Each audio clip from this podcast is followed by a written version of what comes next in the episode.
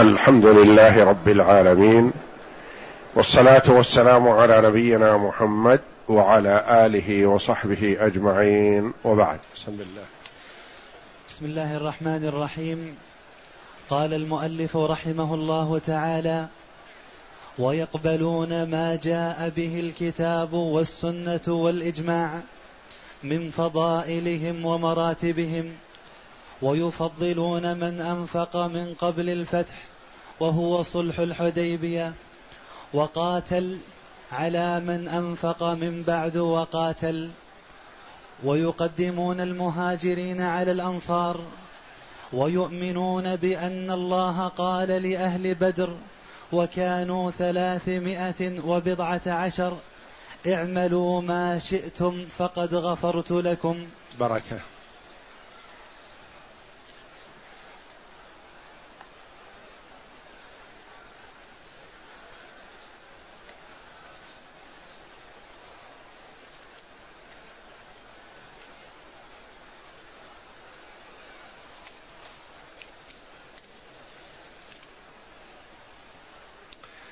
قول المؤلف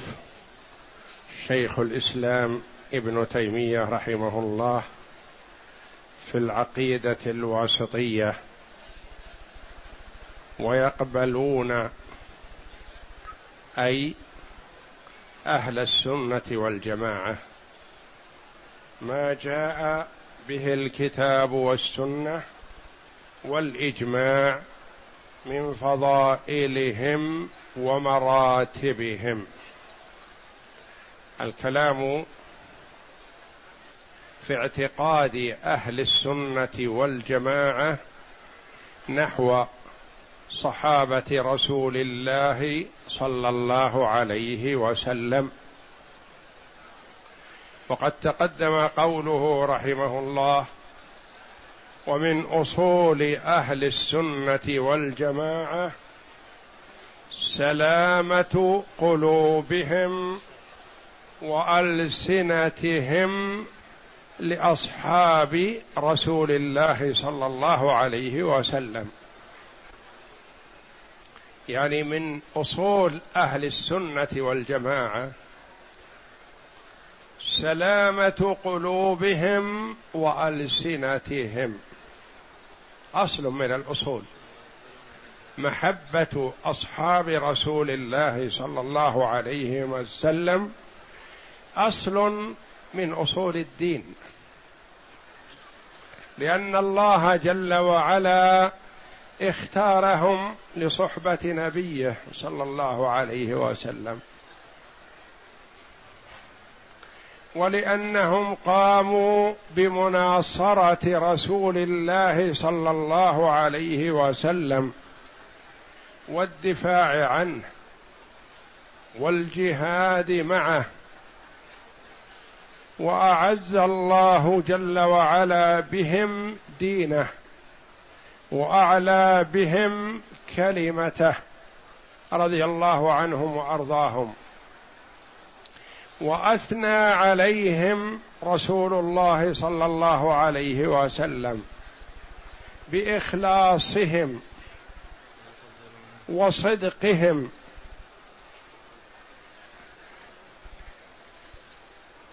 وحرصهم على نصره دين الله رضي الله عنهم وارضاهم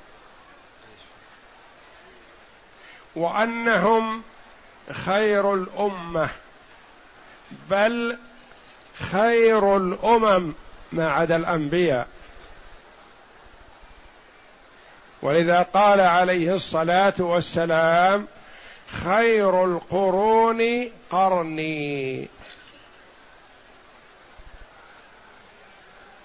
فقرن الرسول صلى الله عليه وسلم هم الصحابه فهم خير القرون ولم يقل عليه الصلاه والسلام خير هذه الامه او خير قرون الامه قال خير القرون من ادم الى ان يرث الله الارض ومن عليها فهم خير القرون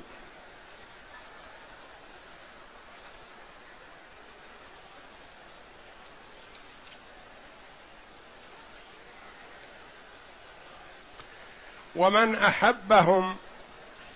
وترضى عنهم فذلك علامه على صلاحه وتقاه وامتثاله امر الله جل وعلا وطاعه لرسوله صلى الله عليه وسلم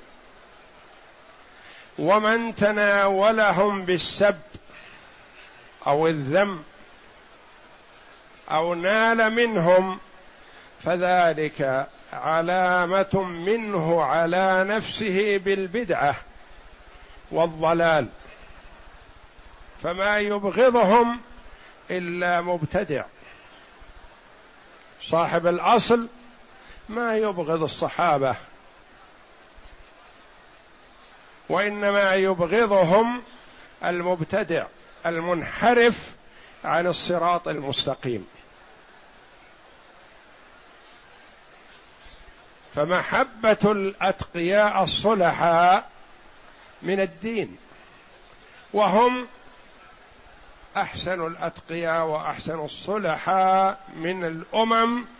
باستثناء الأنبياء صلوات الله وسلامه عليهم أجمعين ومن احبهم واثنى عليهم وقام بامر الله جل وعلا دخل في قوله تعالى والذين جاءوا من بعدهم يقولون ربنا اغفر لنا ولاخواننا الذين سبقونا بالايمان ولا تجعل في قلوبنا غلا للذين امنوا ربنا انك رؤوف رحيم ذكر الله جل وعلا المهاجرين ثم ذكر الانصار ثم ذكر جل وعلا من جاء بعدهم من التابعين الى ان يرث الله الارض ومن عليها والذين جاءوا من بعدهم يقولون ربنا اغفر لنا ولاخواننا الذين سبقونا بالايمان فصفه المؤمن انه يدعو لنفسه ولاخوانه المؤمنين اغفر لنا ولاخواننا الذين سبقونا بالايمان يدخل فيهم الصحابه رضي الله عنهم دخولا اوليا لانه قال والذين جاءوا من بعدهم يعني من بعد المهاجرين والانصار يقولون كذا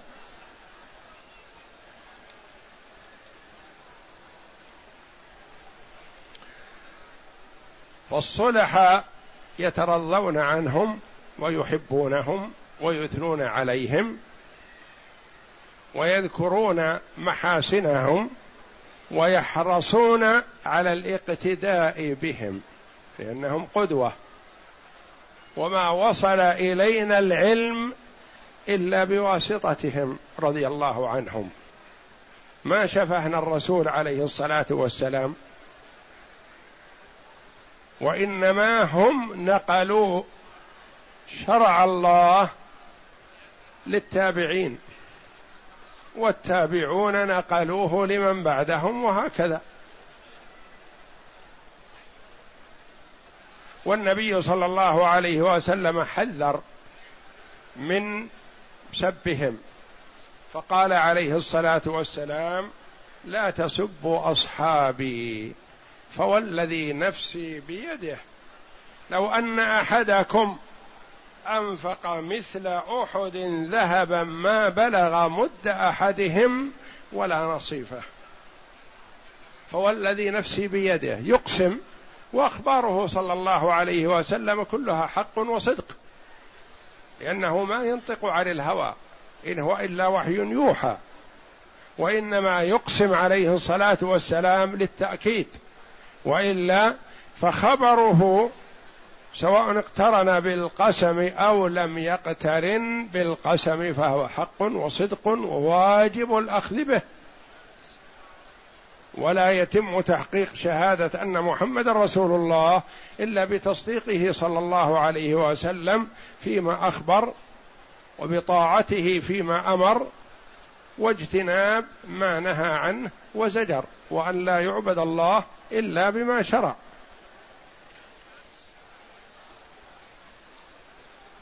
وقال المؤلف رحمه الله تعالى ويقبلون ما جاء به الكتاب والسنه والاجماع من فضائلهم ومراتبهم اهل السنه والجماعه يقبلون ما جاء في الكتاب والسنه والاجماع عن من فضائل الصحابه رضي الله عنهم ومراتبهم فقد اثنى الله جل وعلا عليهم في كتابه العزيز في الايات السابقه التي تقدمت في ثناء الله جل وعلا عنهم عليهم وترضيه عنهم وما جاء في سنه رسول الله صلى الله عليه وسلم من فضائلهم العامه والخاصه بما ورد في فضل بعضهم رضي الله عنهم والصحابه رضي الله عنهم على درجات وعلى مراتب فلا شك ان لهم الفضل عموما وبعضهم افضل من بعض فهم اهل الصلاح والصلاه والتقى والاخلاص والصدق لله تبارك وتعالى على سبيل العموم وبين جل وعلا فضل بعضهم كما ذكر الله جل وعلا فضل ابي بكر رضي الله عنه وارضاه وسيجنبها الاتقى الذي يؤتي ماله يتزكى وما لاحد عنده من نعمه تجزى الا ابتغاء وجه ربه الاعلى ولسوف يرضى قال المفسرون نزلت في ابي بكر الصديق رضي الله عنه كان يشتري الارقه المعذبين بمكه ويعتقهم قال المشركون يشتريهم لنعمه لهم عليه فهو يكافئهم عما جادوا به نحوه رضي الله عنهم اجمعين فكذبهم الله جل وعلا كذب المشركين بقولهم وان ابا بكر رضي الله عنه انما اشتراهم لوجه الله ليخلصهم من رق الكفار ووعده الله جل وعلا بالرضا وهو صاحب النبي صلى الله عليه وسلم في الغار وصاحبه في الهجره رضي الله عنه فهو افضل الامه بعد نبيها رضي الله عنه وارضاه افضلهم ابو بكر ثم يليه في الفضل عمر كما سياتينا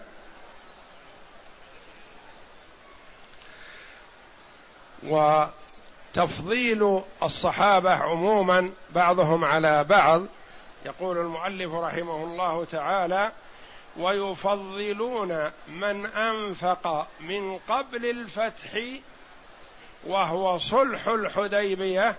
وقاتل على من انفق من بعد وقاتل يفضلون من انفق من قبل الفتح ما المراد بهذا الفتح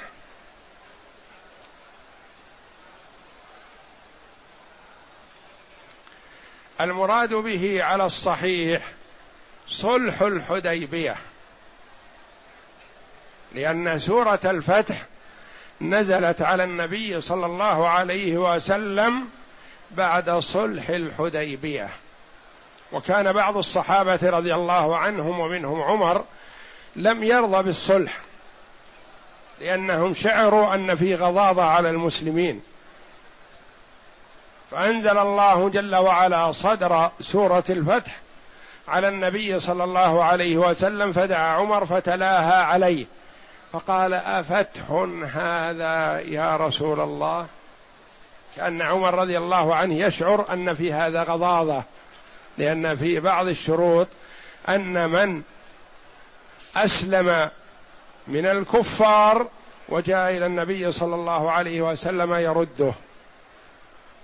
ومن ارتد من المسلمين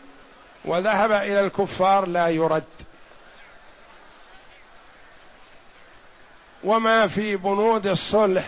مما استشعر بعض الصحابه ان فيها غضاضه سماها الله جل وعلا الذي هو العالم بالخفايا علام الغيوب الفتح انا فتحنا لك فتحا مبينا ليغفر لك الله ما تقدم من ذنبك وما تاخر نزلت بعد صلح الحديبيه فهو الفتح كيف يسمى فتح والرسول جاء معتمرا وصد عليه الصلاة والسلام رجع بدون عمرة رجع من الحديبية المسمى حاليا الشميسي على حدود الحرم أنزل الله جل وعلا إنا فتحنا لك فتحا مبينا وهذا في السنة السادسة وفتح مكة في السنة الثامنة فالمراد بالفتح على الصحيح كما قرر ذلك كثير من العلماء هو صلح الحديبيه ولهذا ننظر صلح الحديبيه في السنه السادسه من الهجره ست سنوات والنبي بالمدينه وثلاث عشره سنه والنبي صلى الله عليه وسلم بمكه يدعو الى الله كم حصيله هؤلاء الذين جاءوا مع النبي صلى الله عليه وسلم لعمره الحديبيه 1400 1500 رجل عددهم هذا العدد هذا الحصيله صلح الحديبيه في السنه السادسه وفتح مكه جاء في السنه الثامنه بينهما سنتان كانت الحصيلة زيادة عن عشرة آلاف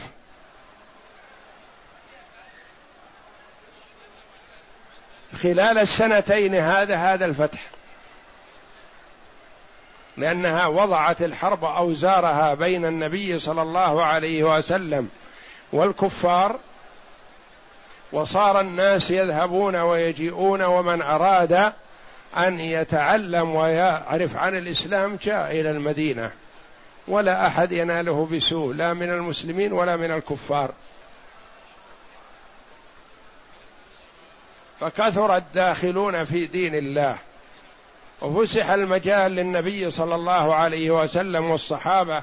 رضي الله عنهم في الدعوه الى الله وسلموا من شر كفار قريش وصارت غزوات النبي صلى الله عليه وسلم في غير جهه مكه فكان بذلك الفتح العظيم فاهل السنه والجماعه يفضلون من الصحابه من انفق من قبل صلح الحديبيه وقاتل على من انفق بعد ذلك وقاتل لأن النفقة تشق أول والقتال كذلك والناس في قلة وفقر وحاجة فمناصرة النبي صلى الله عليه وسلم مع الفقر والحاجة لا شك أفضل من مناصرته صلى الله عليه وسلم مع القدرة والسعة والله جل وعلا يقول في كتابه العزيز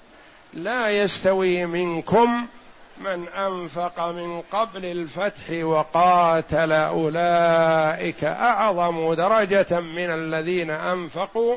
من بعد وقاتلوا وكلا وعد الله الحسنى الله جل وعلا جواد كريم فاهل السنه والجماعه يفضلون اوائل وقدماء الصحابه في الاسلام رضي الله عنهم وارضاهم على مسلمه الفتح وعلى من جاء بعد صلح الحديبيه كخالد بن الوليد وعمرو بن العاص رضي الله عنهم هؤلاء جاءوا مسلمين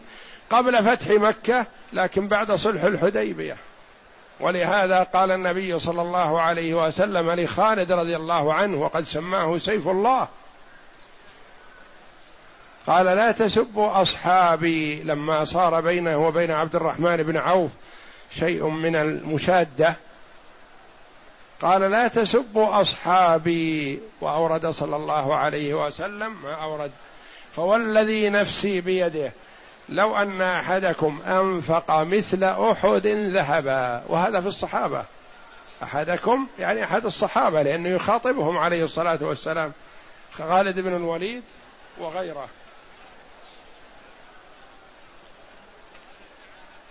لو أن أحدكم أنفق مثل أحد ذهبا ما بلغ مد أحدهم ولا نصيفه وعبد الرحمن بن عوف رضي الله عنه من أوائل الصحابة ومن العشرة المبشرين بالجنة فينهى صلى الله عليه وسلم خالد بن الوليد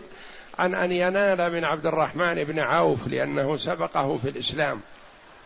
وكان الفضل في السبق في الإسلام رضي الله عنهم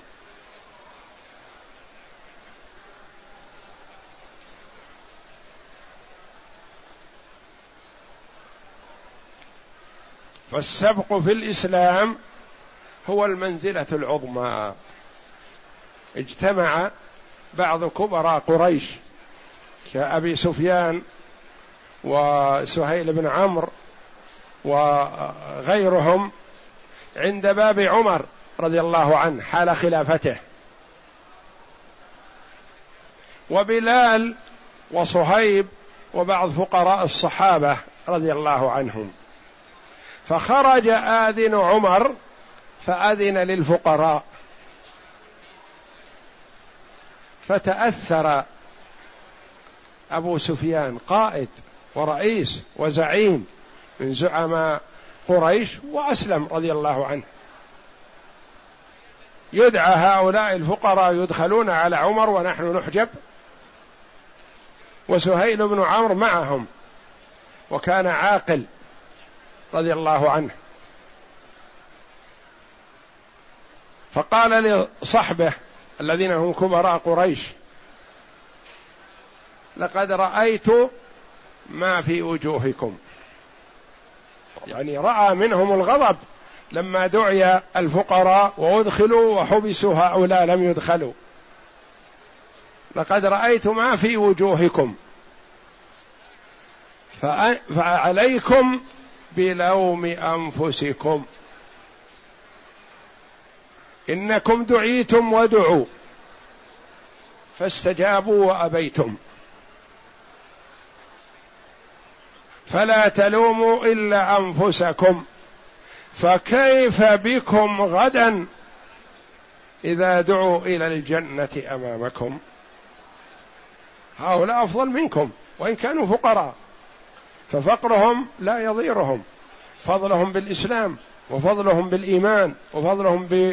بمناصره رسول الله صلى الله عليه وسلم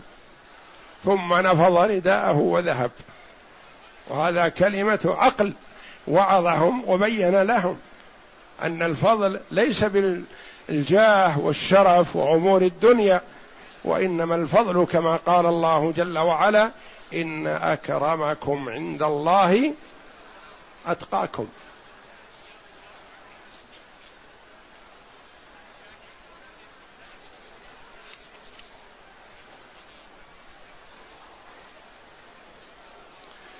ويفضلون يعني اهل السنه والجماعه من انفق من قبل الفتح وهو صلح الحديبيه وقاتل على من انفق من بعد وقاتل لأن الصحابة ليست منزلتهم واحدة بل يتفاوتون في الفضل رضي الله عنهم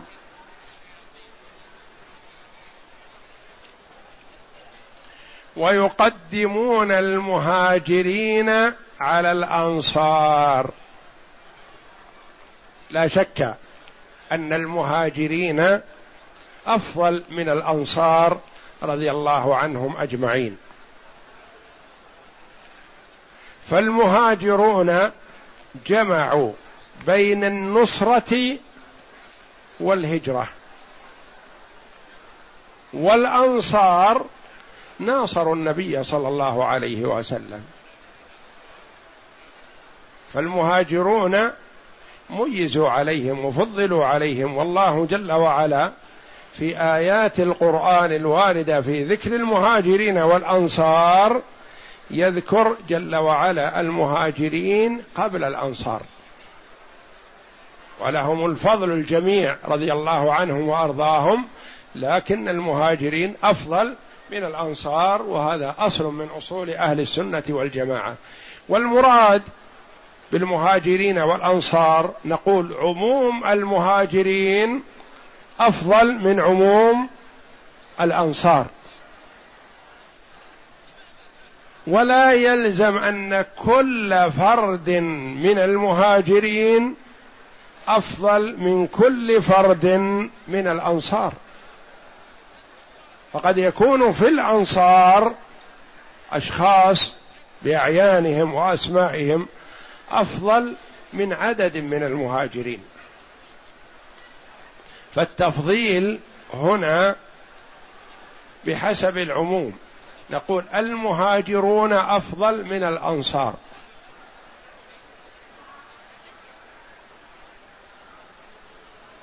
ولا نقول كل فرد من المهاجرين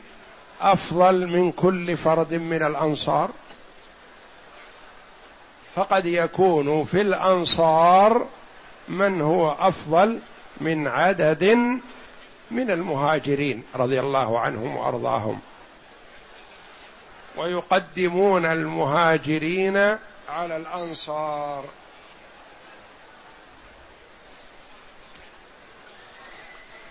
لان الله جل وعلا قال في كتابه العزيز والسابقون الاولون من المهاجرين والانصار والذين اتبعوهم باحسان رضي الله عنهم ورضوا عنه والسابقون الاولون من المهاجرين والانصار وقال تعالى لقد تاب الله على النبي والمهاجرين والانصار الذين اتبعوه في ساعه العسره في سوره براءه وكذلك والسابقون الاولون من المهاجرين والانصار كذلك في سوره براءه سوره التوبه وقال تعالى للفقراء المهاجرين الذين اخرجوا من ديارهم واموالهم ثم قال والذين تبوأوا الدار والإيمان من قبلهم يحبون من هاجر إليهم فذكر المهاجرين في الآيات الثلاث قبل الأنصار وذلك دليل على فضلهم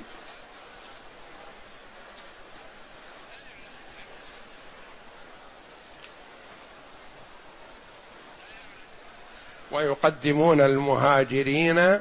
على الانصار رضي الله عن الجميع ويؤمنون بان الله قال لاهل بدر وكانوا ثلاثمائه وبضعه عشر اعملوا ما شئتم فقد غفرت لكم هذا سياتي ان شاء الله في الاسبوع القادم اقرأ قوله ويفضلون من انفق من قبل الفتح وهو صلح الحديبيه وقاتل على من انفق من بعد وقاتل فلورود ويفضلون من انفق نعم نعم نعم اقرا ويفضلون من انفق من قبل الفتح وهو صلح الحديبيه وقاتل على من انفق من بعد وقاتل فلورود النص القراني بذلك قال تعالى في سوره الحديد لا يستوي منكم من انفق من قبل الفتح وقاتل اولئك اعظم درجه من الذين انفقوا من بعد وقاتلوا وكلا وعد الله الحسنى واما تفسير واما تفسير الفتح بصلح الحديبية فذلك هو المشهور وقد صح أن سورة الفتح نزلت عقيبة يعني عقب صلح الحديبية لأنها نزلت في الطريق كما جاء فاستدعى رسول الله صلى الله عليه وسلم عمر وقرأ عليه أول سورة الفتح فقال أفتح هو يا رسول الله لأن عمر رضي الله عنه ممن تحمس ألا يبرم هذا الصلح لما فيه في نظره من الغضاضة على المسلمين حتى إنه ذهب إلى أبي بكر يريد أن يقنعه ليذهب معه إلى النبي صلى الله عليه وسلم في أن لا يبرم الصلح لكن أبا بكر رضي الله عنه أبعد نظرا من عمر بلا شك فقال استمسك بما يقوله رسول الله صلى الله عليه وسلم لا تخرج من نظره يريد ان يؤثر عليه ليذهب معه الى النبي ليقنعوه بعدم ابرام هذا الصلح فابو بكر قال ما هدى الله رسوله اليه هو الصواب وهو الحق ولا اعتراض لنا عليه وتأثر وما صبر وذهب إلى النبي صلى الله عليه وسلم وقال ما قال في ألا يبرم هذا ناعت كثير من الصحابة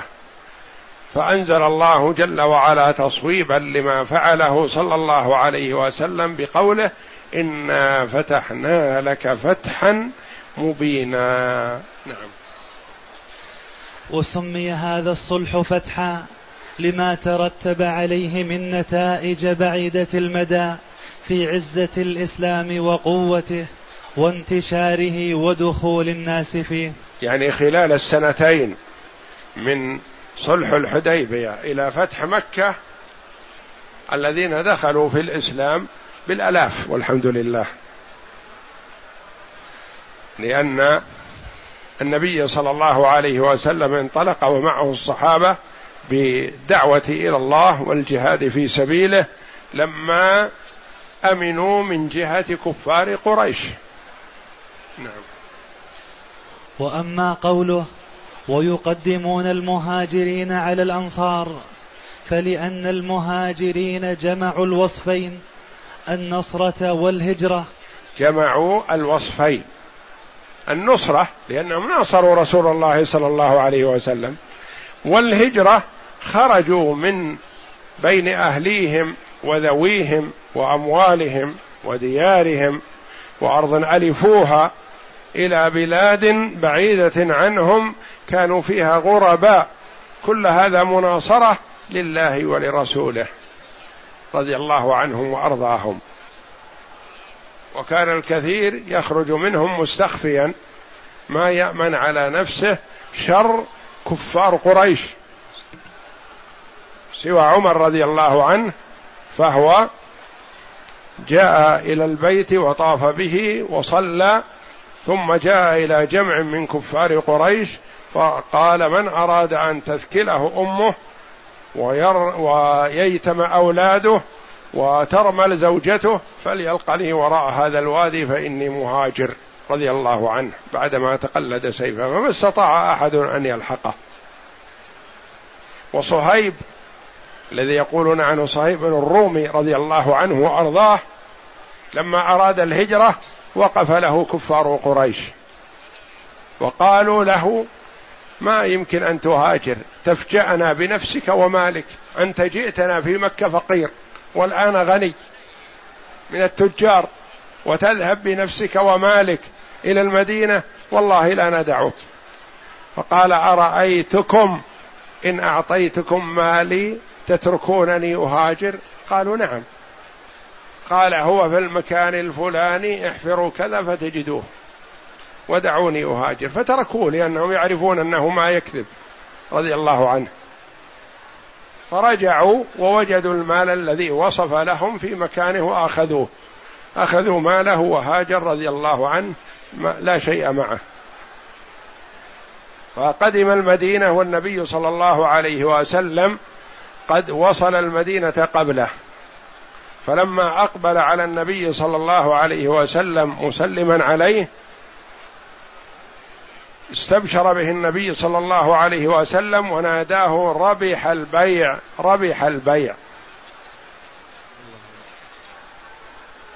فالايه من القران سبقته قبل وصوله ومن الناس من يشري نفسه ابتغاء مرضات الله والله رؤوف بالعباد نزلت فيه رضي الله عنه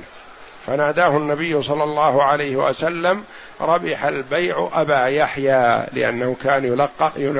يكنى بابي يحيى رضي الله عنه ربح البيع ابا يحيى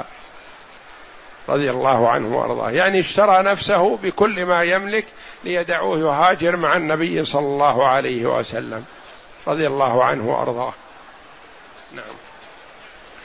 ولهذا كان الخلفاء الراشدون وبقيه العشره من المهاجرين وقد جاء القران بتقديم المهاجرين على الانصار في سوره التوبه والحشر وهذا التفصيل سوره التوبه بايتين منها نعم. والحشر وهذا التفصيل انما هو للجمله على الجمله فلا ينافي ان في الانصار من هو افضل من بعض المهاجرين نعم لان المهاجرين رضي الله عنهم يتفاوتون وبعض الانصار فيه من الانصار من هو افضل من بعض المهاجرين ولا يقال من الانصار من هو افضل من جميع المهاجرين لا ولا يقال جميع المهاجرين افضل من جميع الانصار لا وانما على سبيل الجمله وعلى سبيل العموم المهاجرون افضل من الانصار وفي الانصار من هو افضل من بعض المهاجرين ما يقال من كل المهاجرين نعم وقد روي عن أبي بكر أنه قال في خطبته يوم السقيفة حينما اجتمع المهاجرون والأنصار رضي الله عنهم لاختيار خليفة رسول الله صلى الله عليه وسلم تقدم أبو بكر رضي الله عنه وخطب فيهم نحن المهاجرون وأول الناس إسلاما أسلمنا قبلكم وقدمنا في القرآن وقدمنا وقدمنا في القرآن وقدمنا, وقدمنا يعني في الآيات هذه نعم وقدمنا في القرآن عليكم فنحن الأمراء وأنتم الوزراء فاقتنعوا رضي الله عنهم وسارعوا وبايعوا أبا بكر الصديق رضي الله عنه ورضي الله عن الجميع فكان اجماعا على فضيله ابي بكر رضي الله عنه والنبي صلى الله عليه وسلم ذكر امورا تدل على هذا وان لم يكن فيها صراحه حيث قدمه في الصلاه فقال عمر رضي الله عنه رضيك رسول الله صلى الله عليه وسلم لديننا افلا نرضاك لدنيانا امدد يدك ابايعك فبايعه عمر ثم تتابع المهاجرون والانصار رضي الله عن الجميع وارضاهم والله اعلم وصلى الله وسلم وبارك على عبده ورسول نبينا محمد وعلى اله وصحبه اجمعين